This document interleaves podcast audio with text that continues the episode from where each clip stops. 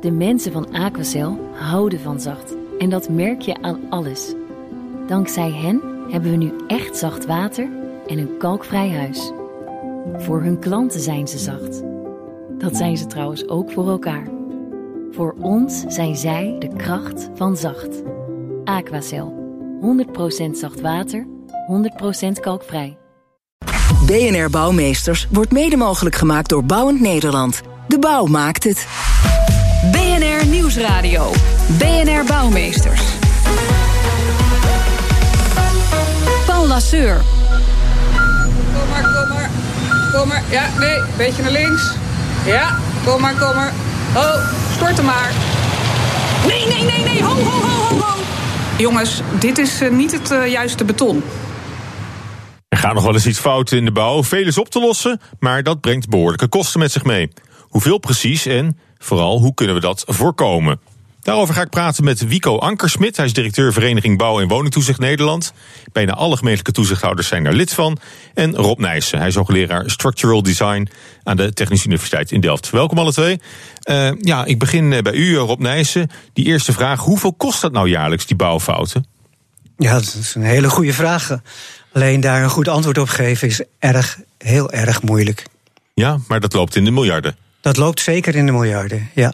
Want we kennen allemaal de, de voorbeelden hè, van dingen die fout zijn gegaan. Die zullen ook nog wel aan de orde komen. Hè. De, de balkons die eh, in Maastricht eraf zijn gevallen. Of, uh, ja, nou, als we, het over bouwkosten, als we over bouwkosten hebben... dan kan ik elk groot gebouw in Nederland eigenlijk aanwijzen. Want daar is een structurele overschrijding van de bouwkosten... die in eerste instantie gezat, geschat werden opgetreden. Ja, en uh, percentueel, welk deel van de totale bouwkosten... Ja, had nou, eigenlijk voorkomen kunnen worden misschien? Uh, normaliter, wat, uh, wat wij de studenten leren, hè, is dat je met, uh, als je iets gaat begroten, gaat ramen hoeveel de bouwkosten zullen zijn, dat je uit moet gaan van 10% overzien. Onvoorzien, sorry, dat is het goede woord. Hè? Ja. Dus wat je niet kan zien, wat je niet kan, kan voorspellen. Ja, maar goed, dat, maar kan, in werkelijkheid, dat, kan dus, dat is een gemiddelde, denk ik. Dus dat is kan een, hoger uitpakken. Dat is een gemiddelde wat men in die jaren heeft geleerd dat het zo is. Maar tegenwoordig wordt er zo scherp ingeschreven door de aannemers, al lange tijd dat die 10% eh, wordt dusdanig onderschat dat het uh, veel uit de hand kan lopen, omdat ze dingen niet meegenomen hebben in hun oorspronkelijke kosten. Ja, want die faalkosten van bouwprojecten, die zien we de laatste jaren oplopen. Hè? Die zien we oplopen. Dat wordt ook pijnlijk duidelijk in alle grote projecten. Neem de Noord-Zuidlijn, neem de Betuwelijn noem het maar op. Het is ontzettend moeilijk om vooraf die bouwkosten goed in te schatten. Ja, dat maar, moeten we ook niet onderschatten. Dat was, dat was denk ik altijd al zo. Waarom lopen die faalkosten nu ineens verder op de laatste jaren? Nou, niet ineens. Uh, we hebben hier in Amsterdam uh, de prachtige Stopera staan. Mm. Dat is een wereldvoorbeeld van een enorme overschrijding van de bouwkosten. Uit mijn hoofd was het iets van 200 procent, twee keer zo duur als eerst geraamd. Hè. Dat komt omdat de bouw probeert zo goedkoop mogelijk te bouwen om zoveel mogelijk te verdienen. Hè. Dat is eigenlijk het doel van iedere aannemer. Nou, als hij maar gaat knabbelen en knabbelen en knabbelen, dan komt hij op een gegeven moment komt hij onder een kwaliteit die gemaakt kan worden. Die wordt dan afgekeurd en moet hij zijn werk opnieuw doen. Dus het moet allemaal voor een koopje? Kosten. Moet voor een koopje.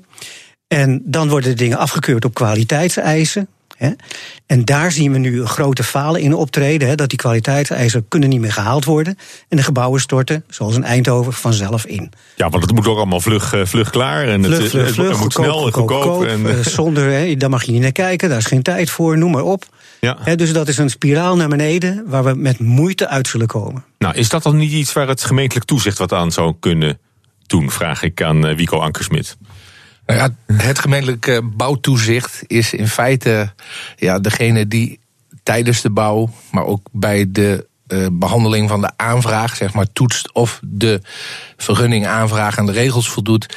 Uh, ja, een soort laatste niet, schakel. Niet, niet, op de bouwplaats zelf, maar alleen op papier? Ook. Ik, ik denk sowieso dat de focus te veel is komen te liggen op de papieren werkelijkheid. Dat de toezichthouder te weinig buiten komt. En in feite ook te weinig ja, uh, in, in, in, in het aantal keren op de bouw aanwezig is om voldoende te kunnen zien wat de kwaliteit is die, eh, die wordt geleverd. En dat is per gemeente absoluut verschillend. Terwijl wat toch het mooiste stuk van het werk is, lijkt me. Ja, gewoon maar met, met het de hele ook... helm op even op de bouwplaats eh, kijken. alleen ja. als het mooi weer is, hè? Technisch nee, maar ik zie, ik zie het toezicht van de gemeente ook... en ik vergelijk het wel eens met de politieagent... Uh, die achter de boom staat met de lezer. Uh, daarmee uh, voorkom je niet de verkeersovertreding. Ik denk dat de bouwer zelf aan zet is om juist de kwaliteit uh, te willen leveren. En dan, ja, dan kan het uh, bouwtoezicht ook uh, met minder af. Alleen ja, daar zien we nog niet die ontwikkelingen. Ja, want daar is op, op bezuinigd, hè, op dat gemeentelijk bouwtoezicht ook de, de laatste tijd. Uh, bovendien, ja, de, de, bouw trekt aan. Hè. Er wordt als een gek ja. gebouwd. Er is weinig personeel. Er is eigenlijk ja. niet, meer, niet meer te krijgen nu. Dus dat draagt alleen maar bij aan, uh, ja, aan, aan het gebrek aan toezicht, denk ik. Ja, en als we kijken, de wet kwaliteitsborging voor het bouwen, dat, dat, ja, dat hangt al tien jaar zeg maar boven ons. En in feite weten we al, nou ja, al tien jaar dat we er binnenkort niet meer van zijn. Dat houdt in dat er uh, vanuit gemeentebesturen weinig meer wordt geïnvesteerd in het bouw- en woningtoezicht. Dat uh, mensen die van school afkomen geen toekomst in het bouw- en woningtoezicht zien. Dus voor andere functies uh, binnen die bouw kiezen. En daardoor zeg ik ook dat ja, de kwaliteit, als we het over het land heen nemen, door die ontwikkelingen en vooral door het maar uitstellen van die wet kwaliteitsborging en vooral door de onduidelijkheid daarin, ja, de kwaliteit ook daar afneemt. En dat is zorgelijk. Dus die trage wetgeving of, die, of die, die, het uitstel daarvan, dat is nog eens een extra probleem eigenlijk. Absoluut, ja. ja. ja. ja. Ik wilde wel graag op inhaken, want ja, ik zie ook een ander probleem. Hè. Het bouwtoezicht tegenwoordig, zeker het gemeentelijk bouwtoezicht, heeft geen tanden meer. Ze kunnen niet bijten. Ze kunnen niet straffen, ze kunnen niet uh, maatregelen voorstellen. Vroeger wel. Vroeger wel, ja. Toen ik begon als constructeur 40 jaar geleden, was ik bang voor bouwtoezicht. Toen moest ik mijn berekeningen indienen. Die moesten worden nagekeken door strenge mensen. En dat werd wel gewaardeerd, want het is heel fijn als je iemand hebt die met jou spart over iets waar je met je hoofd helemaal in zit. -hmm. Dat je geen vergissingen maakt. Want het vergissen is menselijk. Laten we dat voorop stellen. Ja, daar ben ik het dan niet helemaal mee eens. Want ik dat denk dat het bouwwoningtoezicht nog wel tanden nog, heeft. Nog net alleen, zo streng is als uh, vroeger? Ja, als ik kijk naar, uh, en vooral grote gemeentes, die hebben ook nog best een kwalitatief bouw- en woningtoezicht. Alleen, ja, wij laten niet zien wat ons werk is. Hè. Wij laten niet, uh, er komt nooit in de krant of er komt nooit bij een college van burgemeester of wethouders of bij de raad van het bouw- en woningtoezicht heeft dit gebouw stilgelegd omdat er problemen waren. En ik denk dat dat ook een van de fouten is die we als vakgebied wel kunnen uh, onszelf toerekenen. Uh, wij laten te weinig zien welke meerwaarde het vakgebied bouw- en woningtoezicht heeft. En als dat anders zou kunnen, he, dat we mm -hmm. ook met die steun van lokale politiek kunnen laten zien dat wij, nou ja, laten we het zo zeggen, ook echt die meerwaarde hebben. Uh, ja, dan wordt misschien ook naar buiten wel duidelijk dat we nog ja. best wel tanden hebben. En dat er ook nog regelmatig echt een bouw wordt stilgelegd. En dat er dus ook nou ja, ingegrepen wordt om een instorting te voorkomen. of in ieder geval grote bouwfouten uh, weer hersteld uh, te krijgen. Ja, maar dus toch, ik ben dus het toch nou, niet sorry, maar, nee, maar daarin ligt dan misschien de, de meerwaarde van, uh, van bouwtoezicht. Maar welke. Uh, welke structurele fouten in het, in het bouwproces komen jullie dan eigenlijk tegen? Misschien een gebrek aan regie ook. Hè? Er zijn heel veel verschillende uh, onderaannemers tegelijk aan een project bezig. En dat, uh, dat gaat ook niet altijd goed, de afstemming daarvan. Nee, en dat is nou net een van de dingen waar we eigenlijk ons als bouw- en woningtoezicht niet mee zouden hoeven te moeten bemoeien. Omdat de regie ligt echt in de bouwketen zelf. Kijk, wij controleren of het bouwwerk voldoet aan het bouwbesluit. En als we een voorbeeld nemen, de golfsvesten.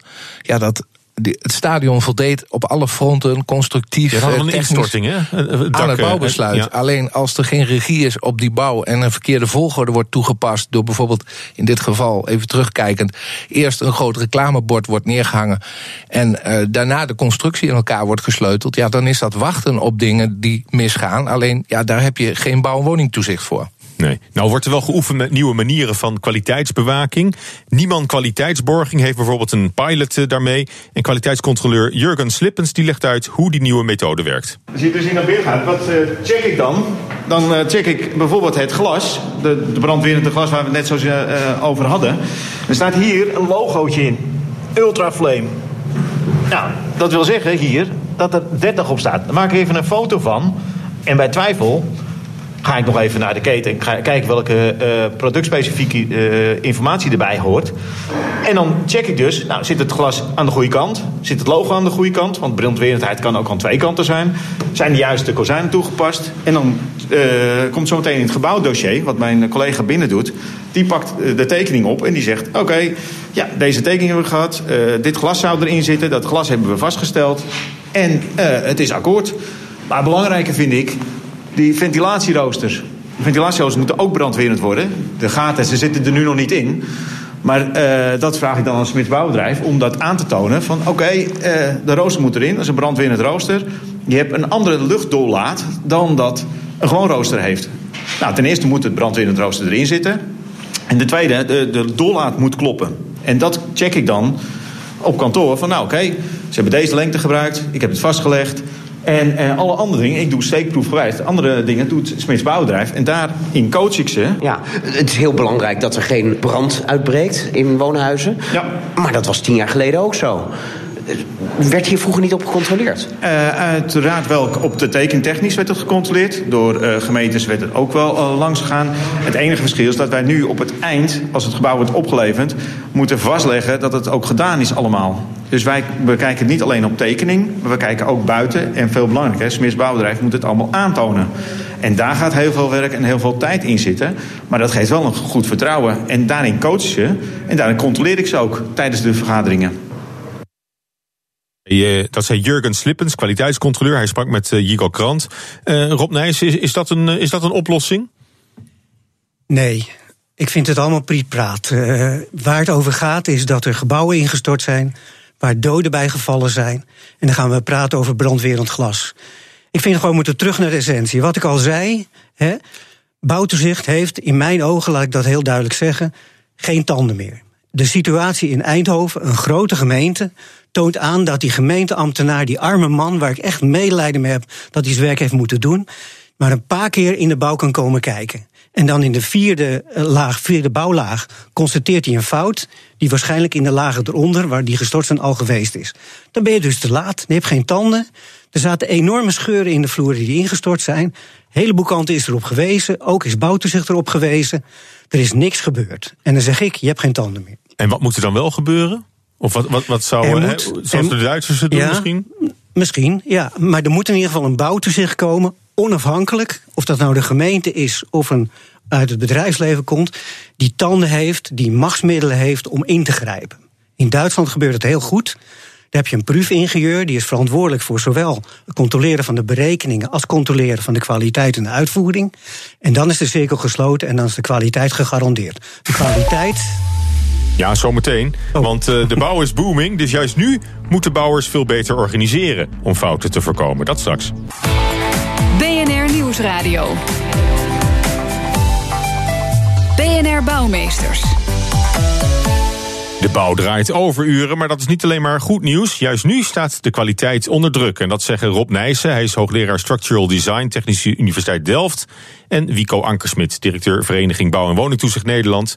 Bijna alle gemeentelijke toezichthouders zijn daar lid van. Eh, ik begin even bij, eh, bij Wico Ankersmit.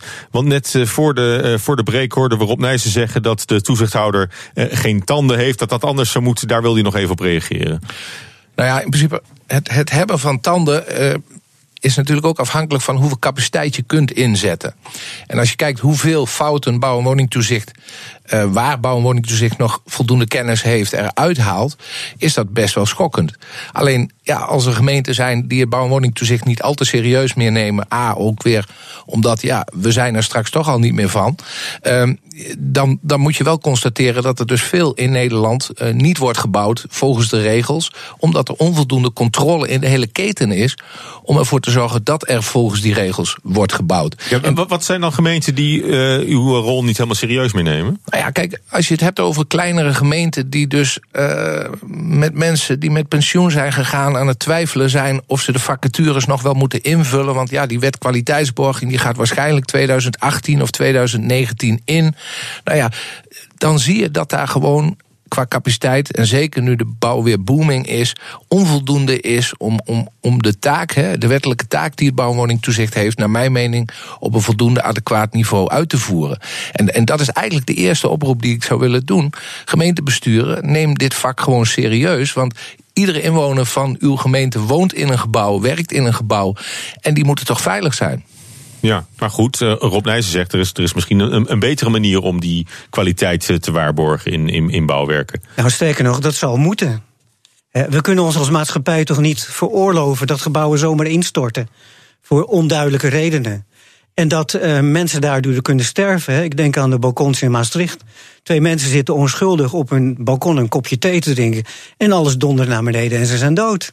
Ja. Dat kan toch niet? Nee, dat kan niet. Dat is onacceptabel. Dat is, een- dat is onacceptabel. Ja. Maar goed, hoe, eh, hoe ga je dat voorkomen? Ik bedoel, ongelukken gebeuren nu eenmaal. Nou, daar zijn uitgebreide rapporten over geschreven. Daar zijn commissies voor benoemd om het allemaal te onderzoeken. En wat is het resultaat? Er is niks gebeurd. En eigenlijk hoor ik mijn collega hier rechts ook net zeggen... Hè, ja, de gemeentes willen niet meer investeren... in kwaliteit van de controle van het bouwtoezicht. Dat is natuurlijk belachelijk. Hoe durf je die maatschappelijke verantwoordelijkheid niet te nemen? Ja, maar goed, wa- wa- wat je ook ziet gebeuren, lijkt mij, is dan dat iedereen zich juridisch gaat indekken. En dat het helemaal een eh, ondoordringbaar eh, moeras wordt. Ja, dat wordt een ondoordringbaar moeras... waar één partij er maar baat bij hebben. En dat zal advocatenkantoors die zich ermee bemoeien. Die zien in al deze instortingen een prachtige bom van inkomsten. Het duurt allemaal vreselijk lang, met allemaal hoger beroep... en nog een keer naar de Hoge Raad en nog een keer dit. Hè, dus een heilloze weg. Ik vind nu dat de overheid moet ingrijpen en duidelijke maatregelen nemen... om de constructieve veiligheid van zijn medeburgers te kunnen, waar- kunnen garanderen. Ja, en dat zit hem niet in een versterking van de rol van, eh, van het gemeentelijk bouw- en woningtoezicht. Dat zou kunnen, maar er moet er heel wat gebeuren. Ja? Nou, eh, Ja, ik denk dat dat een van de aspecten is die we zouden moeten aanpakken. Kijk, eh, het begint en. We hebben het net ook voor de reclame het even gehad over het Duitse systeem. Als je kijkt naar het Duitse systeem, dan begint het al in Duitsland. Ja, qua cultuur is het iets anders. Puntlich, gründlich, afspraak is afspraak. Hè. Dat, daar ja, mogen en, we en wel eens wat... is daar, is daar ook Nou ja, wat, Oké. wat beter geregeld. Het tweede is, eh, de, ho- de hoofdelijke aansprakelijkheid in de keten is geregeld. Wij kennen alleen maar aansprakelijkheid in Nederland op entiteit. En valt die entiteit om, hoe je dat ook hebt gedaan, ja, dan ben je in feite als opdrachtgever eigenlijk de pineut. Het derde, en dat is ook een belangrijke, is dat iedere bouwer daar gekwalificeerd moet zijn. Je moet meester zijn om te kunnen bouwen. In Nederland kan iedereen die morgen een aannemersbedrijf wil beginnen, kan een huis gaan bouwen. Nou, al die aspecten bij elkaar maken dat er verschillende zwakke schakels in de bouw hier in Nederland zijn georganiseerd, die altijd weer een risico zijn op minder kwaliteit. Ja, en Helemaal een belangrijke voorwaarde daarvoor is dat er ook meer regie moet komen op de bouwplaats. hè. Dat al die verschillende aannemers gewoon beter om elkaar afstemmen. Absoluut. En er wordt wel eens gezegd, hè, de, de inspecteur of de toezichthouder of de kwaliteitsmanager op de bouw is wegbezuinigd omdat bouw- en woningtoezicht die taak wel over zou hebben genomen. Dat is natuurlijk klinkklare onzin. Want die kwaliteit wordt niet door toezicht geleverd, die wordt door de vakmensen geleverd. En die moeten goed worden gecontroleerd en er moet regie op zijn dat ze om de beurt. Hè, niet allemaal tegelijk als een kip zonder kop eh, elkaar in de weg lopen. Nee, er moet regie zijn. En daar heb je een goede regisseur, dus een kwaliteitsmanager op de bouw voor nodig. Ja, maar goed, vaak is daar geen tijd en geen geld voor.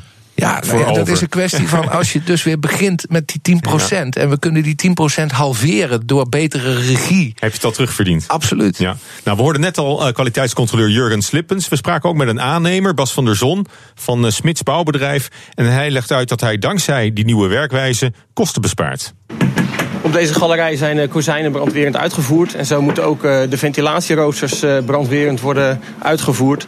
En niemand kwaliteitsborging heeft met name de nadruk gelegd op deze situaties van zorg dat alle brandwerendheidseisen eh, in het verhaal zijn opgenomen. En dat, dat nou, de juiste stukken worden toegepast. Zonder die interventie was het hier niet brandwerend geweest. Het is absoluut wel brandwerend geweest. Het is alleen niemand die met name deze punten aanstipt... om daar extra zorg en aandacht aan te besteden... en goed vast te leggen in het dossier. Lijkt me wel lastig, zo'n eh, zo'n pot te kijken die van alles aan te merken heeft op uw werk. Wij moeten elk gebouw opleveren volgens het bouwbesluit. Eh, en of daar moeilijke, makkelijke of andere zaken eh, voorkomen... het moet altijd. Dus wij zien het niet als een, als een extra belasting. Maar goed, het is een pilot, het is nieuw, er komt waarschijnlijk een wet. Dat betekent dat het in het verleden niet zo was. Maar dat betekent niet dat we niet wouden volgens het bouwbesluit. Is dit eigenlijk overbodig? Nee, zeker niet. Want eh, je, kan nooit eh, besparen of, eh, of anderszins op, op kwaliteit en bouwregelgeving. Dat moet altijd goed zijn, 100%. Ja. Denken al uw collega's er ook zo over? En dan denk ik aan toch incidenten die hebben plaatsgevonden de afgelopen tijd... met instortende balkons, met het geval van de parkeergarage die instort in Eindhoven. Ik kan me niet voorstellen dat er collega's zijn die in dat soort ja, dingen zeg maar, genoegen nemen met minder. Ik kan me eigenlijk wel voorstellen, omdat het ontzettend lastig is als er allerlei aanpassingen gedaan moeten worden, die ook nog eens een keer veel geld kosten en die er misschien voor zorgen dat het project niet op tijd af is. Tuurlijk proberen wij eh, voor zo min mogelijk eh, kosten het gebouw eh, neer te zetten. Maar dat betekent niet dat we gaan bezuinigen op veiligheid. En daarom is het goed dat er iemand rondloopt die daar nog eens een keer extra op toeziet. Zeker weten. Nou, het kan ook misschien geld besparen. Het, uiteraard kan het geld besparen. Niemand die, die zal ook met, uh, met tips komen van het kan op die manier of het kan op die manier. En als dat voldoet aan de regelgeving, hartstikke goed. Ja, dan, dan is hoeven straks die ramen niet worden vervangen als u er later achter komt. Absoluut. Nee, en dat scheelt al meteen in de kosten. Hè, dat de ramen achteraf niet nog eens vervangen hoeven worden. Als blijkt dat ze toch niet brandveilig zijn. Dat zei Jico Krant net, onze verslaggever. En de vraag is dan toch waarom niet alle aannemers zo werken. Ja, het is ook eigenlijk van de zotte dat dit dus pas nu waarschijnlijk een beetje boven het maaiveld komt. Nu er een wet aankomt die dit verplicht. Iedere aannemer zou toch vanuit zijn eigen ja. kwaliteitsdenken, die niemand dan al lang hebben moeten hebben ingeschakeld om dat al jaren te doen, moet je er dan meer via een wetsvoorstel achter gaan komen dat je daar geld mee kunt besparen. besparen. Uh, ja, Rob Nijssen, toen we hem de eerste keer hoorden, he, die, die controleerde, zei je nog uh, prietpraat. Het gaat hier over brandveiligheid van ramen. En uh, het, je moet eigenlijk naar, naar, naar het grote plaatje kijken. Ja. Vind, vind je het ook nog steeds als je de aannemer nu hebt gehoord, die, die hier daadwerkelijk mee op de kosten kan besparen? Ja, want, dan, aannemer. want dan werkt het allemaal dezelfde kant op. Ja. De aannemer die nu aan het woord was, is heel goed opgeleid, goed geïnstrueerd. Iemand die precies vertelt wat, wat hij van zijn baas moet vertellen. Het gaat erom dat op de bouw er iemand is met tanden, die kan ingrijpen, die kan zeggen: jongens, die kozijnen moeten eruit. En wat gaat, gebeurt er dan als het iemand van het bouwbedrijf zelf is? Die belt met zijn baas of die belt weer met zijn baas. En die zegt: Ja, we zitten voor de opleveringstermijn en we kunnen dit niet doen. En die belt hem met die kwaliteitsinspecteur en zegt: Jongens, met een tandje minder, dit gaat wel goed.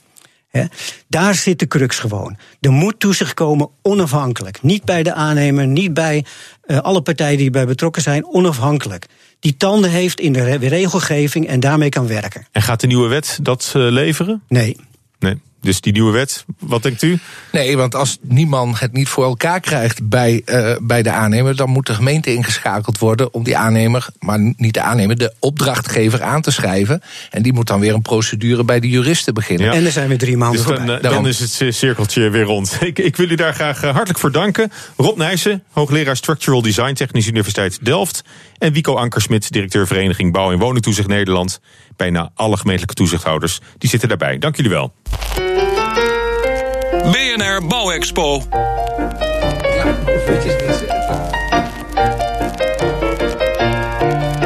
Ja, we zetten weer een bijzonder gebouw in de schijnwerpers. En de curator van de Bouwexpo, Daan, heeft weer een heel mooi gebouw gevonden. Ja, het is nog geen gebouw alleen. Het uh, bevindt zich nog in de ontwerpfase. En dan uh, denkt u natuurlijk... Er kan nog van alles over... misgaan. Ja, kan nog van alles misgaan, precies. Maar ze hebben al wel de aanbesteding gewonnen. En dat is ook wat waard. Uh, sportgebouw in Kerkrade. daar gaat het allemaal over. moet gebouwd worden op een soort aflopend terrein. sporthal, zwembad, parkeergarage. Dat komt erin. en je hoort Erik Moederschijn over het uitgangspunt bij het ontwerp. Het uitgangspunt was uh, om zoveel mogelijk uh, het gebouw te vergroenen. Hè, en om echt de meerwaarde in het dak te gaan zoeken. Waar je normaal een gebouw als dit echt op het maaiveld zet en de daken gewoon maar dak zijn. is hier een dak echt de vijfde gevel. En misschien nog wel de belangrijkste gevel van het, van het gebouw. Omdat we daar echt een, ja, een, een groot park gaan maken waar je allerlei activiteiten kan doen. Een dakpark gedaan? Ja, die kende ik nog niet. Nee. Uh, wanneer moet het af zijn? Uh, het moet af zijn uh, in 2020, als het doorgaat, tenminste allemaal. Want de gemeenteraad gaat, of de gemeente gaat er nog over beslissen. En er komen natuurlijk nog gemeenteraadsverkiezingen. maar diezelfde architect die, kan heel enthousiast vertellen over wat mensen moeten ervaren als ze het pand binnenlopen.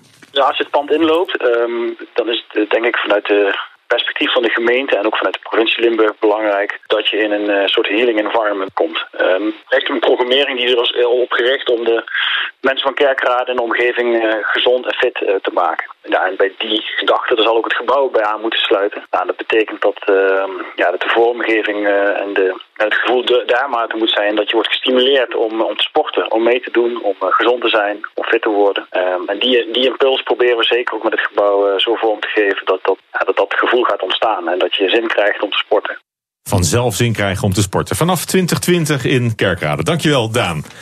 En dat was Bouwmeesters voor deze week. Heb je vragen of tips? Mail die dan naar bouwmeesters.bnr.nl. De show kun je terugluisteren op bnr.nl slash bouwmeesters. Kan ook via iTunes en Spotify. En zometeen Roos Abelman met Spitsuur. Tot volgende week. BNR Bouwmeesters wordt mede mogelijk gemaakt door Bouwend Nederland. De bouw maakt het. De mensen van Aquacel houden van zacht. En dat merk je aan alles. Dankzij hen hebben we nu echt zacht water en een kalkvrij huis. Voor hun klanten zijn ze zacht. Dat zijn ze trouwens ook voor elkaar. Voor ons zijn zij de kracht van zacht. Aquacel. 100% zacht water, 100% kalkvrij.